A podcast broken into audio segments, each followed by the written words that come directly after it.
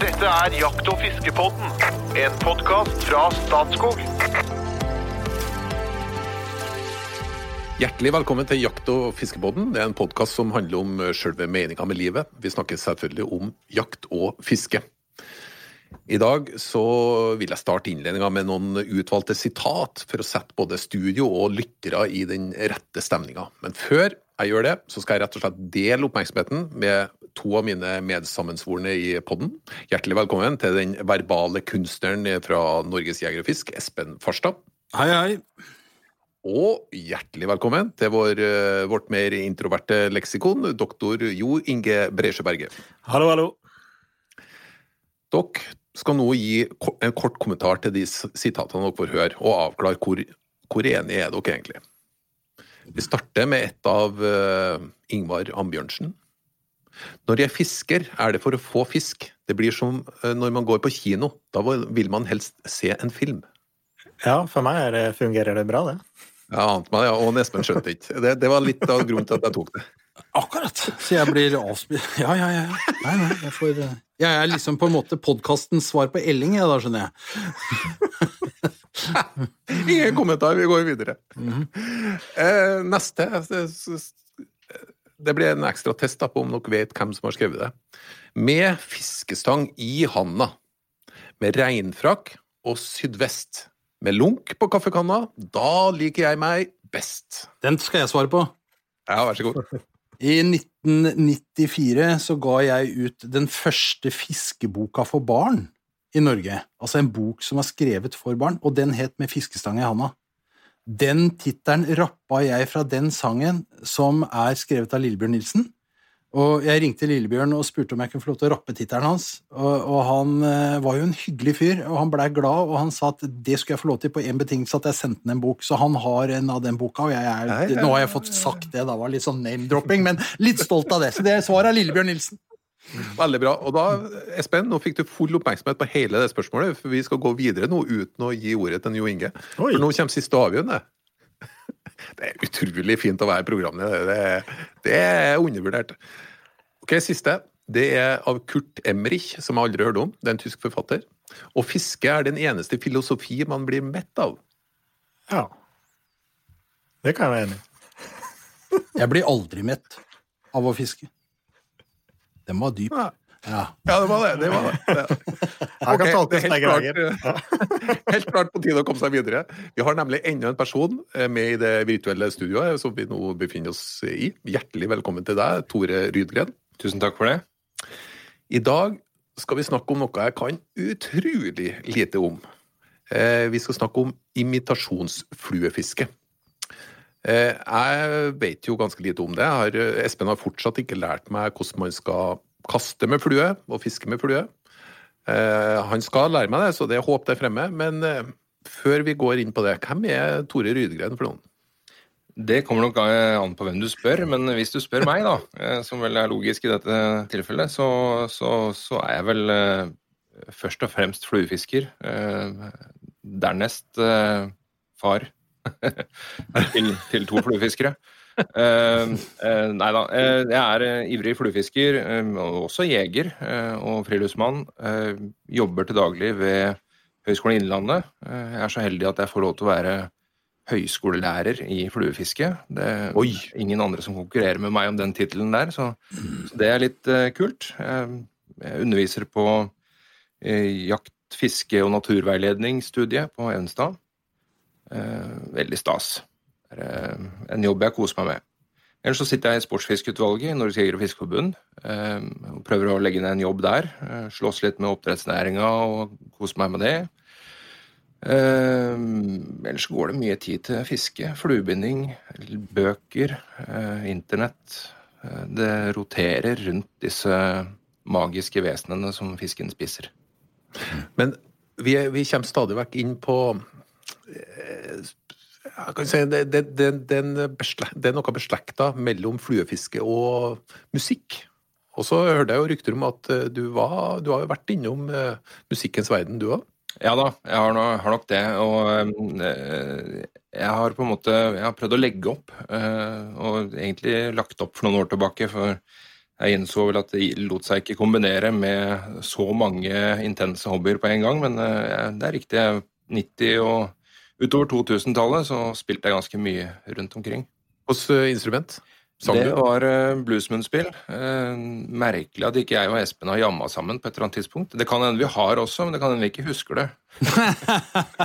ja, det, det, er men også, Tore, det skal vi, en gang skal vi få til det, og da hvis vi kan kombinere det med at vi først lar eh, programlederen her, Tor Gunnar, eh, blamere seg som førstegangsfluefisker i elva, så kan vi hygge oss på bredden med gitar og munnspill. Det syns jeg høres ut som en hyggelig setting. Må vi få til.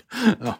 Det har jo- hørt veldig bra ut. og Jeg skal ikke, jeg skal ikke ta, eh, ta skinnet vekk fra Espen her, da, men hvis du skal lære deg å fiske med flue, så skal du komme til meg, ikke til Espen.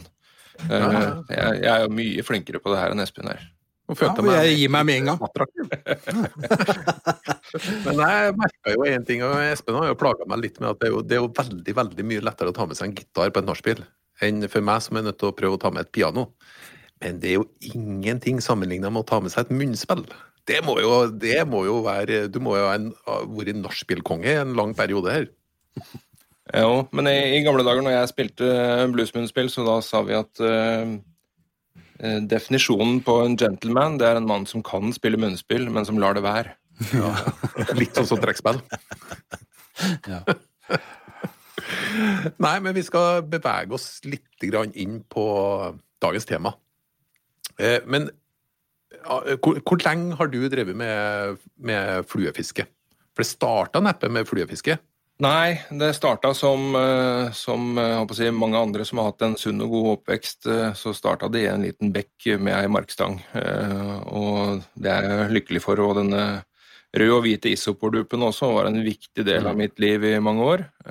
Og så um, arva jeg noe gammelt fluefiskeutstyr som jeg overtok og begynte på plenen som sju-åtteåring og kaste med fluestang. Og det var vel omtrent samme år, tror jeg, så tok jeg min første ørret på flue på en Dusty Miller eh, ørretutgave. Eh, det husker jeg, det bildet sitter svidd fast, og, og derfra så var det ikke noe Det var ikke noe håp. Da var det ikke noe bremser. Da gikk det bare utforbakke. Så du starta med fluefiske da, da du var sju-åtte år? Ja. Ja, Det tror jeg er tidligere enn de fleste. Ja, mm, mine sønner starta når de var to. Ja, Men det, da tror jeg vi understreker dine sønner. Ja, da. Men jeg, jeg har lyst til å spørre Tore, da, for at det, eh, nå forteller du om en, en, en klassisk, et klassisk fluevalg den gangen, ikke sant? Men, men eh, i dag skal vi jo egentlig snakke litt om imitasjonsfluefiske. Eh, som er, det er, dette, er, dette er jo en verden som er helt fantastisk. Når oppdaga du det? Når, når fikk du den der overgangen fra, fra den flua til, eh, til et Ja, det er jo en helt annen greie, da. Du må forklare litt hva det er. Ja, hva, hva var det? Og hva er det?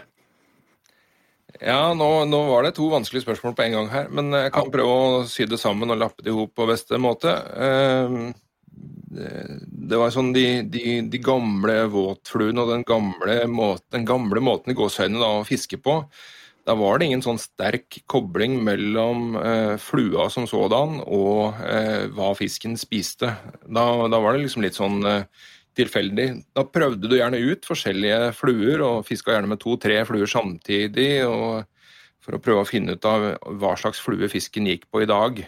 Eh, eh, til forskjell fra i dag, da, så har vi en helt annen tilnærming. Da prøver vi jo på en måte Noe av sporten går jo på å finne ut av hva er det fisken spiser i dag. Og vi kan sitte med De ivrigste av oss sitter jo med kikkert på elvebredden, en god kikkert, og sitter og følger med en døgnflue som danser nedover strømmen, som vi vet hva heter.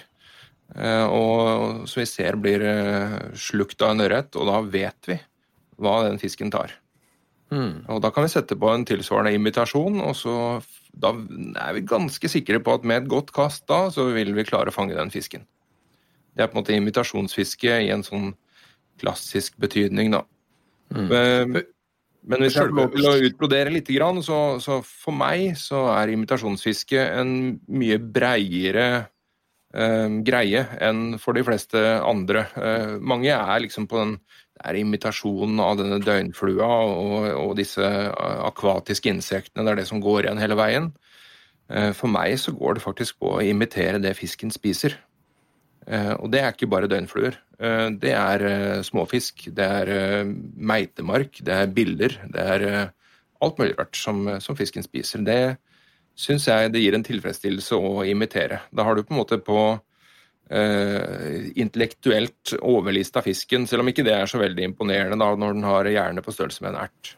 Ja, Vi er, stadig, vi er stadig vekk inn på bl.a. en gammeltiur som også har en relativt liten hjerne, som overlister de fleste jegerne. så... Eh, men det er den, det er den, det er den der intellektuelle tilnærmingen, egentlig. Ikke sant? Altså at, at, at, man, at man, på en måte tilfører altså du, du, går jo ikke ned til elva og pælmer ut en dupp og setter deg ned og egentlig sovner litt og venter på at det skal, skal nappe i stortåa liksom, når, når, når, fisken er tatt. Du, du, er inne i en prosess, ikke sant? og det er det som ligger rundt dette invitasjons... som gjør dette så spennende. Og interessant. Det er det som, det er det som kjennetegner fluefiske som sådan, at du kan ved å øke din egen kunnskap og interesse om fisken og næringsdyra, så kan du bedre dine egne odds mye. Eh, jeg pleier å si til mine studenter at eh, fluefiske er tufta på tre grunnpilarer. Det er tro, utholdenhet og kunnskap. Eh, og hver av de kan egentlig kompensere for den andre har du nok trua, så, så, får du fisk, altså. Eh, og har du nok utholdenhet og står lenge nok i elva, så fanger du også fisk. Men den mest interessante måten å fange fisk på, syns jeg, da, det er jo å fylle på i den kunnskapsbolken. Hvor du ved å ha mye kunnskap om fisken, fiskens liv og byttedyr, så, så vil du fange mer fisk. Mm. Og kanskje mer om byttedyrene enn fisken, egentlig?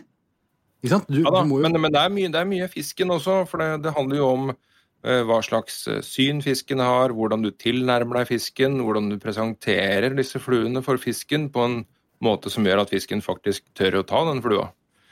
Så det, det gjelder å kunne mye om fisk og fiskens instinkter også.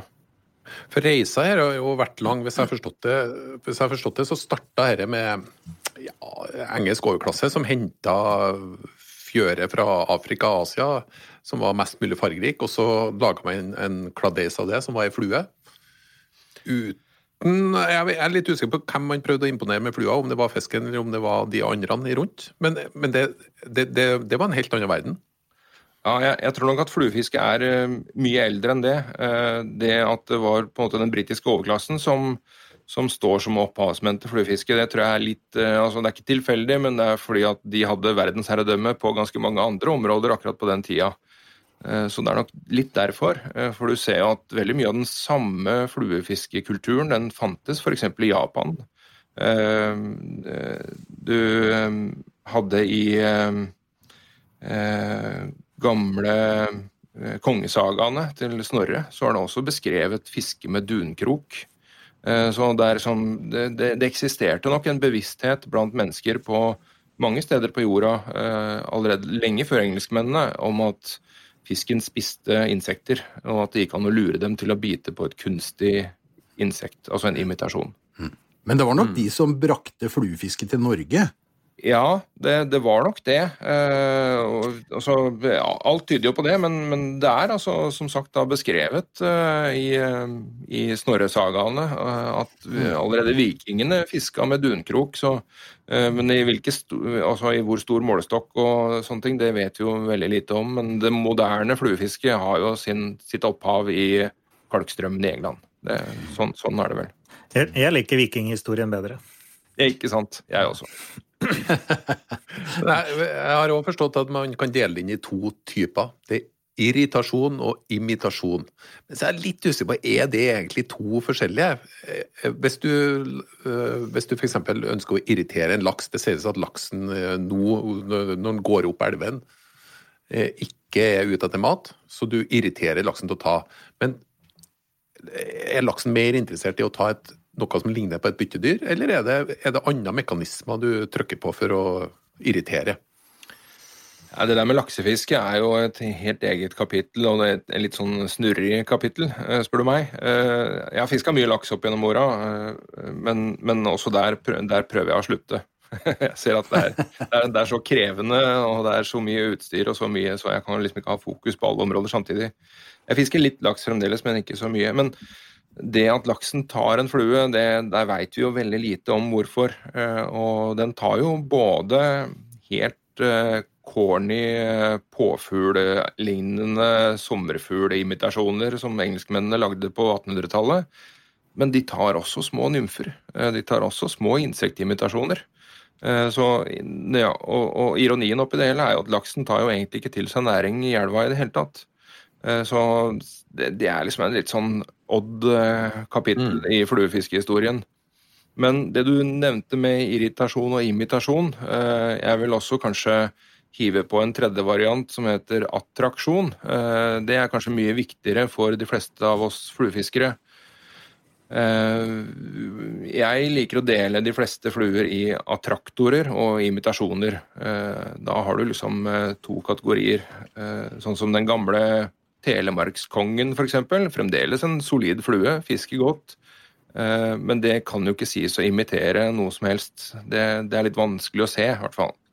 Kan være en bitte, bitte liten fiskeyngel hvis du legger godviljen til, men, eh, men ellers så, så, har den noen sånne egenskaper som gjør at den er attraktiv for fisken. Altså Fisken blir tiltrukket av det på et eller annet vis. Hva kan det være? Farga? Form? Ja, altså Vi vet jo at fisken responderer jo på rødt, f.eks. En sånn rød haletag eh, det er veldig populært på mange fluer. Ingen naturlige insekter som har en rød hale, så vidt jeg kjenner til. Eh, så, så det er jo en sånn en farge som kan eh, tiltrekke seg fisken. Eller det kan være fasong, men det kan også være oppførsel, og det kan være også lyd, faktisk. En sånn veldig moderne fiskeform, fluefiskesjanger i dag, er jo streamerfiske med artikulerte streamere. Svære streamere som kan være oppe i 10-15 cm lange, som vi fisker ørret med. Eh, og da tenker man litt sånn stor mat, stor fisk. Eh, de eh, kaster vi da oppsiktsvekkende nok så hardt vi kan, sånn at de klasker ned i overflata. Og det fører til at fisken får en sånn instinktiv respons på å kaste seg rundt og ta den. Så veldig ofte etter at du har smelt den digre streameren hardt i overflata, så kommer det en fisk som hugger umiddelbart. Og det er sånn at da, da trigger du på en måte instinktene. Jeg beklager, jeg må spørre. Streamer, hva, hva sa du at det var? Streamer er en uh, fiskeimitasjon, som regel. Uh, og artikulert streamer det er da en stor streamer som er ledda, som henger sammen to kroker. Eh, og den går da og vrikker på seg i vannet på en veldig forlokkende måte. Ok. Mm. På en måte Hvor, uh... fluefiskes svar på ledde Helt korrekt, Jo Inge. Ja, det, for det, av og til så blir jeg bitte litt i tvil. Hvor går skillet mellom fluefiske og slukfiske? For når man et, ja, hva, hva er definisjonen Hvor, hvor skiller de to skilles de ad? For det, Man går ganske nært her når, når, du begynner å etterligne en, en eh, fisk som, som byttedyr. Mm. Ja da, det er, det er, vel eh, kanskje på grensa til å være reaksjonært, men jeg vil jo også si at en, en som står og kaster med haspelstang eh, og rappalla, er jo også en imitasjonsfisker. Det er ikke noe tvil om det. Den, han imiterer jo fiskens byttedyr. Så dette med imitasjonsfiske det er jo ikke noe som er forbeholdt uh, fluefiskere. Det er jo uh, noe egentlig de fleste driver med. For å få fisk, så imiterer du byttedyr. Men, men forskjellen her ligger jo, ligger jo i altså, uh, Imitasjonsfluefiske har jo da fremdeles fluesnøre som kastevekten når du skal presentere agnet ut til fisken, ikke sant? mens en sluk har jo en kraft i seg sjøl. Det betyr at du bruker forskjellig utstyr, og du bruker flueutstyr. og Vi har jo snakka om det ved tidligere episoder, at de av oss som er lidenskapelige fluefiskere, vi er veldig glad i den herre eh, direkte kontakten som man får med, med fisken idet den tar. Altså, du er ikke gjennom mekanikken i en, eh, i en haspelsnelle eller multiplatesnelle. Det går rett i fingeren, rett i hjerterota, egentlig. Så, så, det er der forskjellen egentlig ligger, da. Men jeg synes det var veldig interessant å høre Det er veldig artig å høre på deg prate om dette, for du, litt sånn, du er litt open-minded i forhold til at, eh, at eh, Ja, du, du, du, sprer liksom ut Imitasjonsfluefiskere blir jo veldig ofte sittende og, og, og spre tre haletråder forsiktig på døgnflua for at den skal imitere 100% det insektet som flyter nedover. Eh, her er det rett og slett en del jåleri ute og går. Er du enig i det? Det er en del eh, jåleri, det er en del eh, dårlig fundert eh, kunnskap, og det er mye gammel overtro og ja, litt sånne ting. Men, men som jeg sa i sted, man skal ikke kimse av det å ha trua. Altså, hvis du, hvis du binder en veldig sånn naturtro døgnflue, og du har skikkelig trua på den, da fisker du nok også bedre, og du presenterer finere, og du får mer fisk. Så, så tro, det har flytta både fjell og ørret tidligere, det. Men, men, men jeg, jeg, husker på, jeg husker jo på 80-tallet så kom den derre Det kom en bok fra en svenske som het Lennart Bergquist. Mm. En gammel rallykjører som hadde ja. Ja, Rally- og gammel- ja, han, Musiker. Han, han var faktisk musiker. Han var med i The Vikings, eller forløperen til Vikingerne, faktisk. Akkurat, ok. Ja, han, han var nå i hvert fall. Men, men poenget med boka hans, som han kom med, det var altså at han for, kanskje for første gang, eller i hvert fall for meg for første gang, presenterte en veldig systematisk tilnærming til insektverden, og så For han tok liksom for seg eh, Her er en eh, døgnflue. Den har liksom eh, tre-fire stadier, eh, og så presenterte han de ulike stadiene, altså som nymfe, og som klekker, og som dønn, og som spinner, som det het. Det er litt engelsk begrep inni dette. Og så beskrev han hvordan han bandt fluer som imiterte de ulike stadiene. Han hadde en veldig logisk tilnærming til imitasjonsfluefiske som var veldig lærerik. Det må jeg si, det. Skal ha masse kred for det. Men så var det liksom når du kom til å skulle lage en flott eh, døgnflueimitasjon, da, så var det liksom brente vinger, og han brukte en del sånn teknikker for at det skulle se griselekkert ut, og det gjorde det. Men det fungerte ikke i praksis. Det propellerte fortommen din, og du blei egentlig bare forbanna når du sto ute i elva der sånn. Og så viser det seg at ofte så er det jo den der litt bustete, rufsete greia som egentlig funker, og at det kanskje er viktigere med hvordan du presenterer den, eh, enn akkurat hvordan den ser ut sånn imitasjonsmessig. Nå begynner vi å nærme oss et nerdenivå som jeg virkelig trives på. Ja, Eh, dette, dette er veldig bra. Jo, jo Inge, du, du kjenner godt eh, begrepet sekundærballistikk. Sekundærballistikk. Jeg kjenner jo ballistikk, men sekundærballistikk da, Du må hjelpe meg litt på vei, da. Ok, Det er vel eh, kunnskapen om eh, kula etter at den har truffet dyret? Etter at dyret. treffer dyret. Ja, altså, i, altså virkningen i kroppen. Ikke sant? Ja. Eh, Jeg har en litt sånn eh, uklart formulert eh, teori da, på at noe av det samme kan vi bruke på fluefiske. altså sekundær presentasjon. Hvordan flua tar seg ut på vannet etter at den har landa. Og, og jeg mener at der ligger nøkkelen til veldig mye, både av suksess og misforståelser. Og der har vi mye å hente, de fleste fluefiskere. Jeg vil vel gå så langt som å påstå at det er på en måte fluas oppførsel på vannet som bestemmer egentlig hva den flua imiterer, ikke først og fremst utseende. Mm. Så, så jeg lager en sånn liste til mine studenter eh, hvor jeg sier at eh, oppførsel, eh, det er nummer én. Det er det absolutt viktigste. Hvordan flua sitter på vannet, om den beveger seg, sitter stille, om den striper eller hva den gjør. Absolutt det viktigste. Eh, Så kommer en, eh, en nummer to. eh, Det er størrelse. Altså Har du riktig størrelse i forhold til hva fisken spiser, så er du veldig godt på vei. Og så nummer tre så kommer silhuett, altså form, fasong. Og først på fjerdeplass eh, så kommer disse stakkars fargene som veldig mange er så opptatt av. Om du skal lage en døgnflue som er lys oliven eller dirty oliven eller mørk oliven, det er, det er liv og død-diskusjoner langs elvebreddene noen ganger. Jeg, jeg, jeg funderer det på at, at jeg kan gå i Renelva altså under en ordentlig svømmepuppklekking. Nå innfører jeg noen eh, fremmedord her, skjønner jeg, men eh, det er eh, vårfluepuppene. Når de klekker, så kommer de opp til overflata. De svømmer inn mot land. De striper som en liten båt innover. Og da er de jo et lett bytte for fisken, og veldig populære blant ørretene. Men hvis jeg da setter på en døgnflue som er, imiterer noe helt annet, og som ser helt annerledes, radikalt annerledes ut Hvis jeg striper den riktig, og får den stripe riktig, så tar fisken allikevel. Fordi at jeg imiterer bevegelsesmønstre eh, som er så viktig.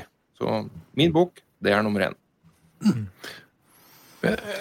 Og det, det lurer jeg eh, må, Hvor viktig er det å treffe på det byttedyret som er aktivt i elva eller i vannet akkurat da?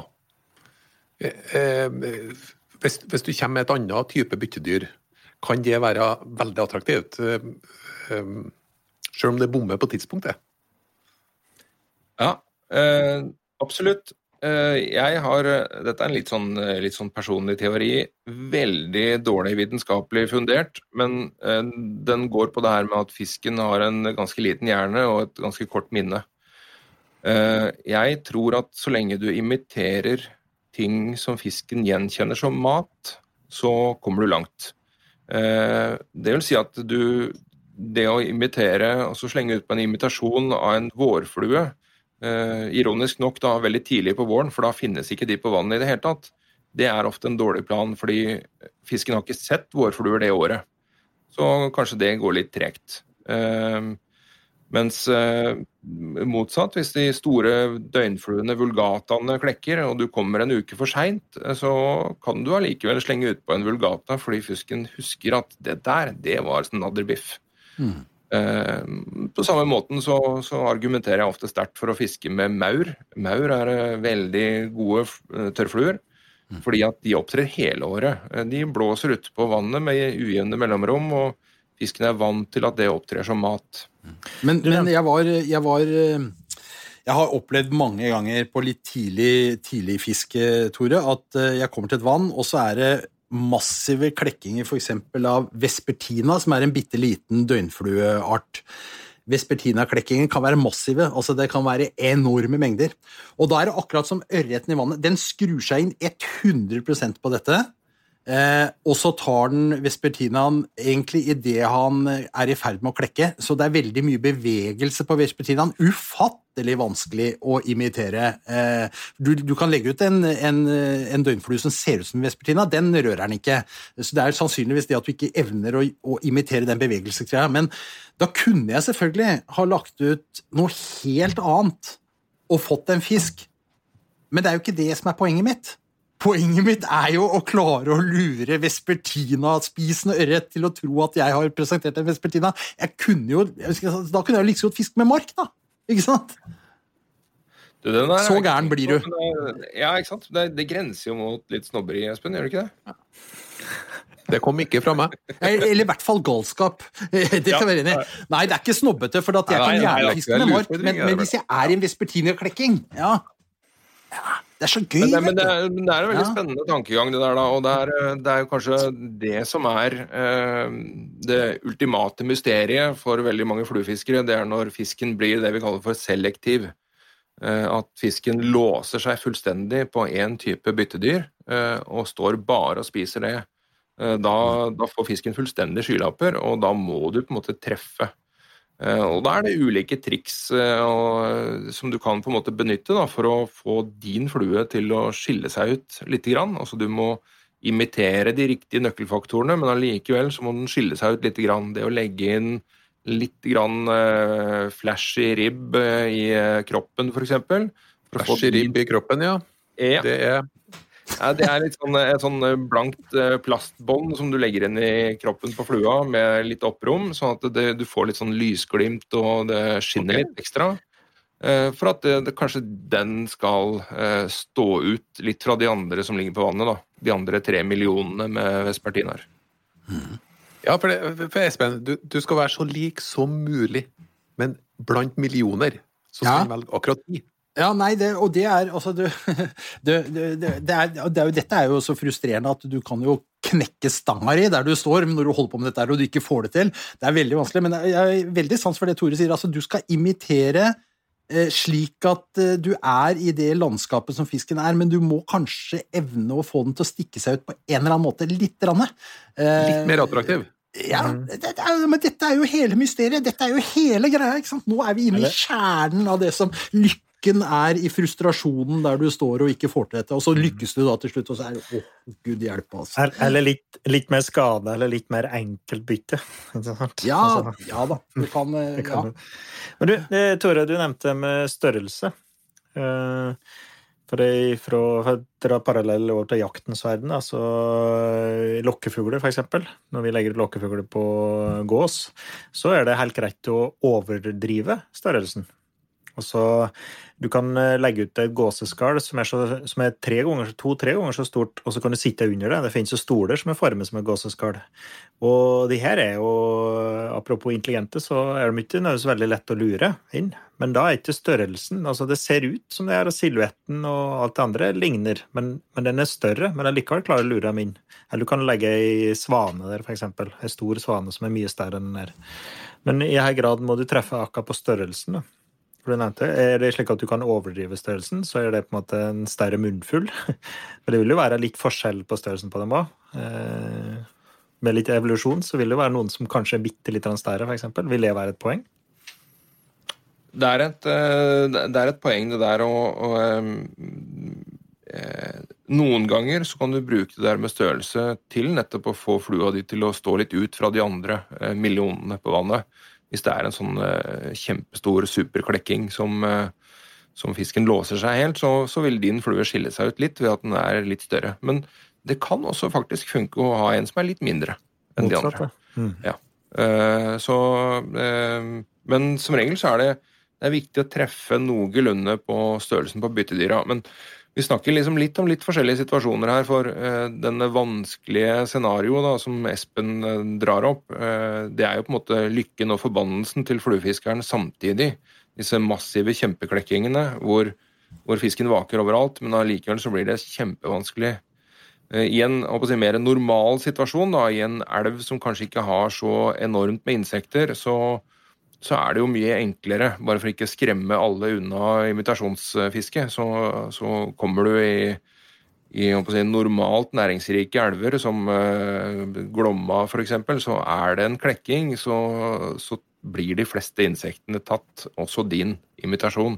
Mm. Uh, Renaelva f.eks. kan være det er kanskje noe av det vanskeligste når det er store klekkinger der, for da da blir fisken så selektiv og eh, at det blir veldig vanskelig. Da er det liksom Den tar hver åttiende flue som passerer over hodet på dem. Og hvorfor i all verden skal den da ta akkurat din? Hvor, eh, hvor mange ja, Enkel inngang på spørsmålet. Hvor mange eh, fluer har dere? og bakenforliggende her er hvor, hvor bredspektra må man være i tilnærminga for, for å ha gode imitasjoner? Jeg har kjørt noen uh, fluebindekurs i vinter i regi av Norges Jeger- og Fiskerforbund, uh, hvor, uh, hvor, jeg er opptatt av at nybegynnere på fluebinding de skal lære seg ulike bindeteknikker. de skal lære seg å binde ulike imitasjoner, og de skal også ende opp med en flueboks som er noenlunde dekkende for normalt innlandsfiske. Og da har jeg kommet fram til en eh, ti-tolv mønstre som du egentlig kan greie deg fint med gjennom en sesong. Så verre enn det behøver det ikke være. Nei, Det var jo egentlig litt betryggende å høre, da. Men når det er sagt Ja, I, know. Kom med det. Så jeg, jeg, jeg, trodde jeg hadde mista fluevesten min for et par år siden, og, og da meldte jeg det til forsikringsselskapet. Uh, og da fikk jeg spørsmålet hvor mange fluer hadde du i den vesten, og hva kosta de?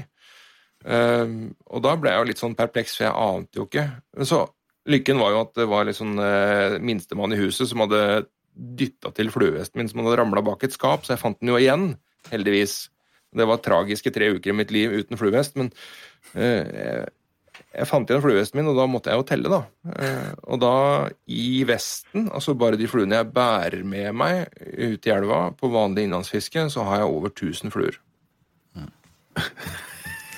Ja, men dette, dette, sånn er det. Og jeg, du var inne på et stikkord der, eh, Tore, som vi ikke har snakka om, fluebinding. Fordi at eh, det er selvsagt eh, for vår generasjon Vi er jo ikke så ulikt gamle, Tore, du er jo litt yngre enn meg, men allikevel. Så vi er vokst opp med at vi binder våre egne fluer, og finner stor glede i det. Men det er også ufattelig mye lærdom i det. at du behandler materialer, og du binder flu... Da får du fluene akkurat sånn som du vil ha dem. ikke sant? Det er det viktigste. Men så har det kommet en trend nå de siste åra med at eh, nå kjøpes det billige fluer fra utlandet. Nå kan du på nettet sette deg ned og bare tappe inn og bestille, og du får fluer til åtte kroner stykket. ikke sant? Så det er jo nesten billigere å, å bestille dem enn å binde dem. Men det går noe tapt underveis her tror jeg, hvis du ikke er gjennom binde, det å lære seg å binde fluer sjøl.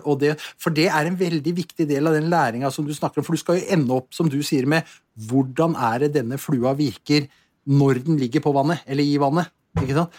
Så, så, så jeg har litt tenkt på Nå er jeg blitt så lat og gammel, og svaksynt, ikke minst, at jeg sjøl bestiller en del fluer, men, men jeg vet eksakt hva jeg vil ha, for jeg har vært gjennom hele den der bindegreia.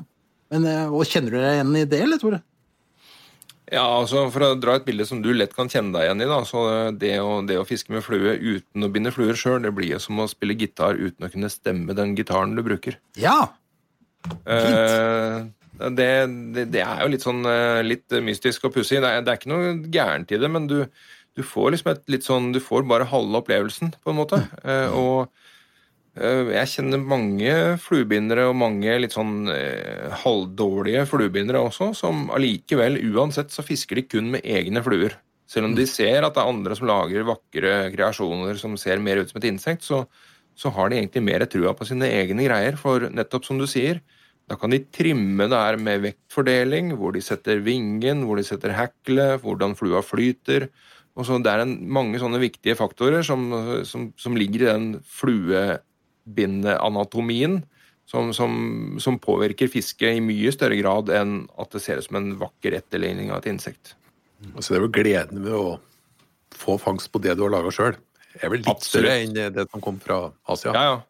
Jeg har til og med hatt med meg barnehager eh, ut på fluefisketur.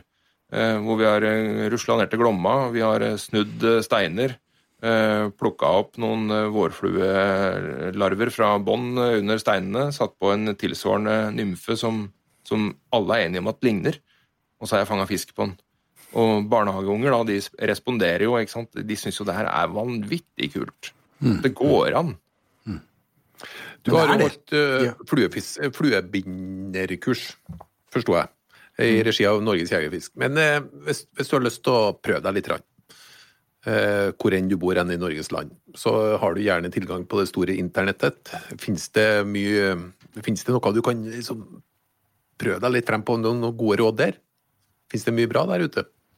Om det finnes mye bra på fluebinding? Eh, ja, som eh, Eller- gjør deg i stand til å komme i gang med fluebinding sjøl? Eller må du, må du på et kurs?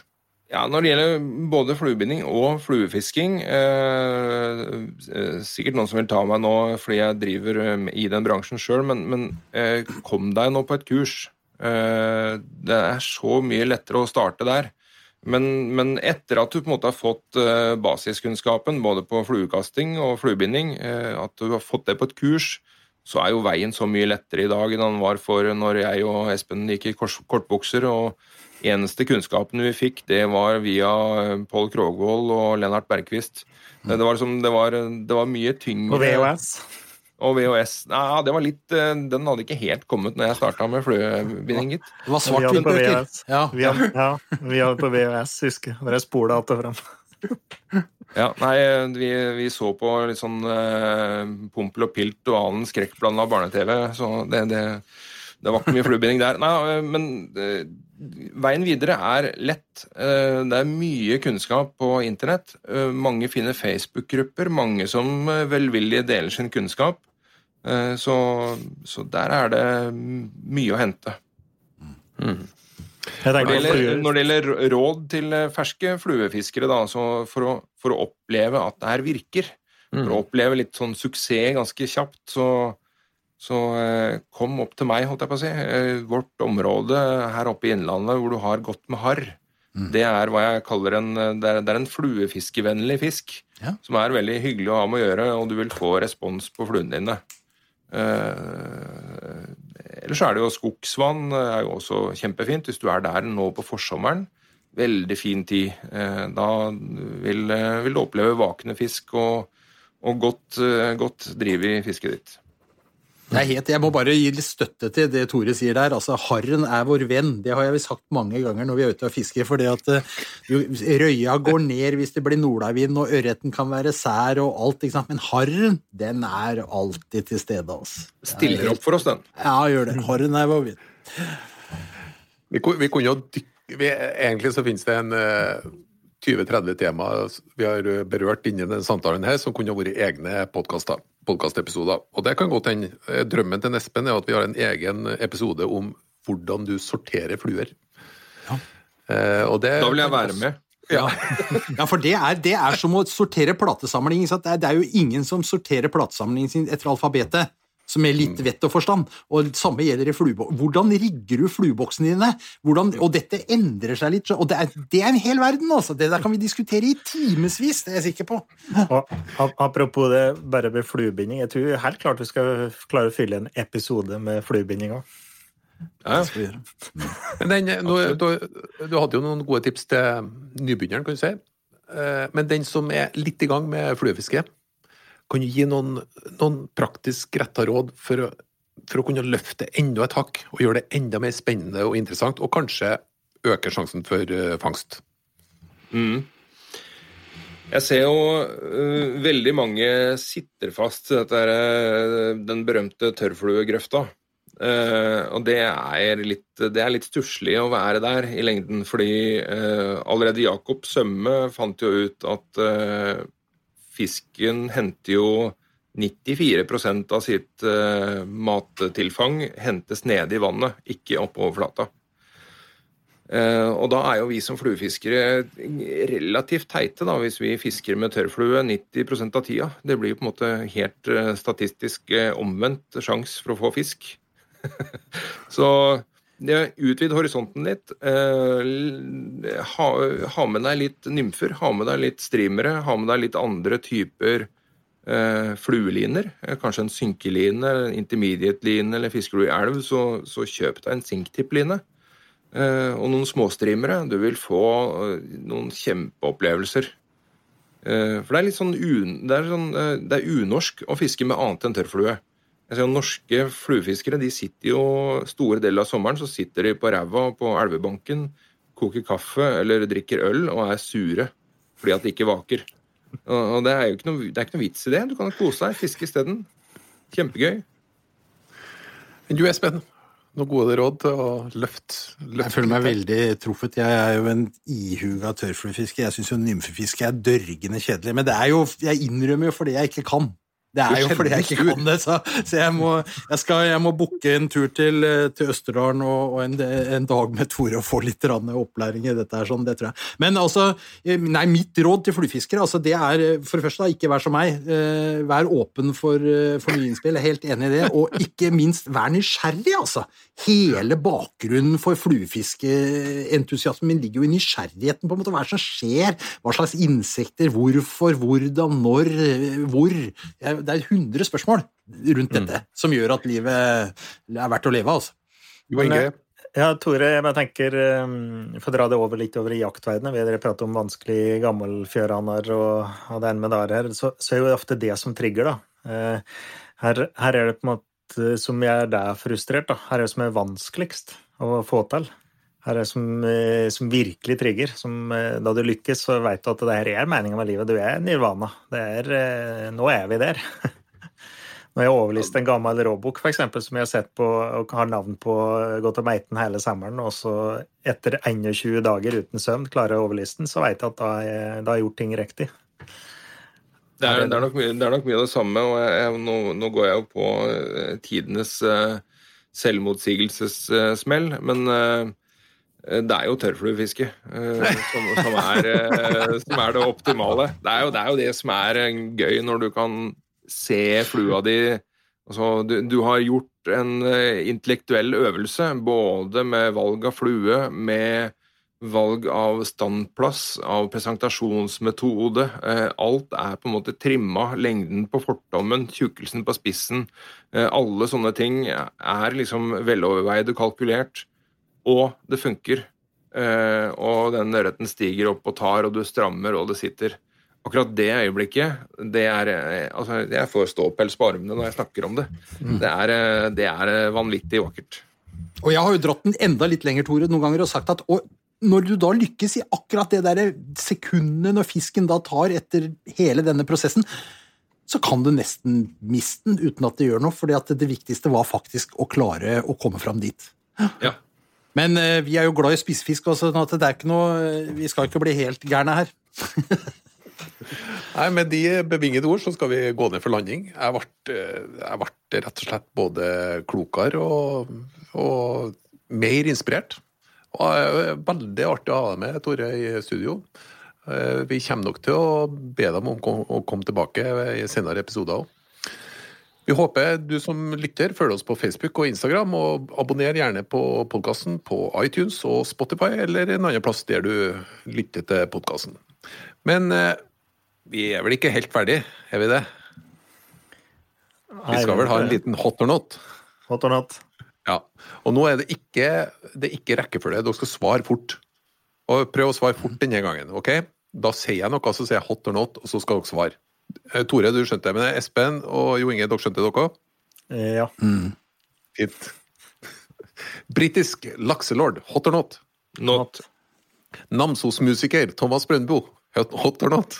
Not. Not. Not. Det var hot på hele gjengen, ja. Wobbler, hot or not? Hot. Hot. Not. Ja, ja. Og så siste avgjørende. Mårfangst, hot or not? Hot. Hot. Not. Det er, ja, interessant. Tusen takk for før det. alle lyttere, neste fredag er vi tilbake med en ny episode av Jakt- og fiskepodden.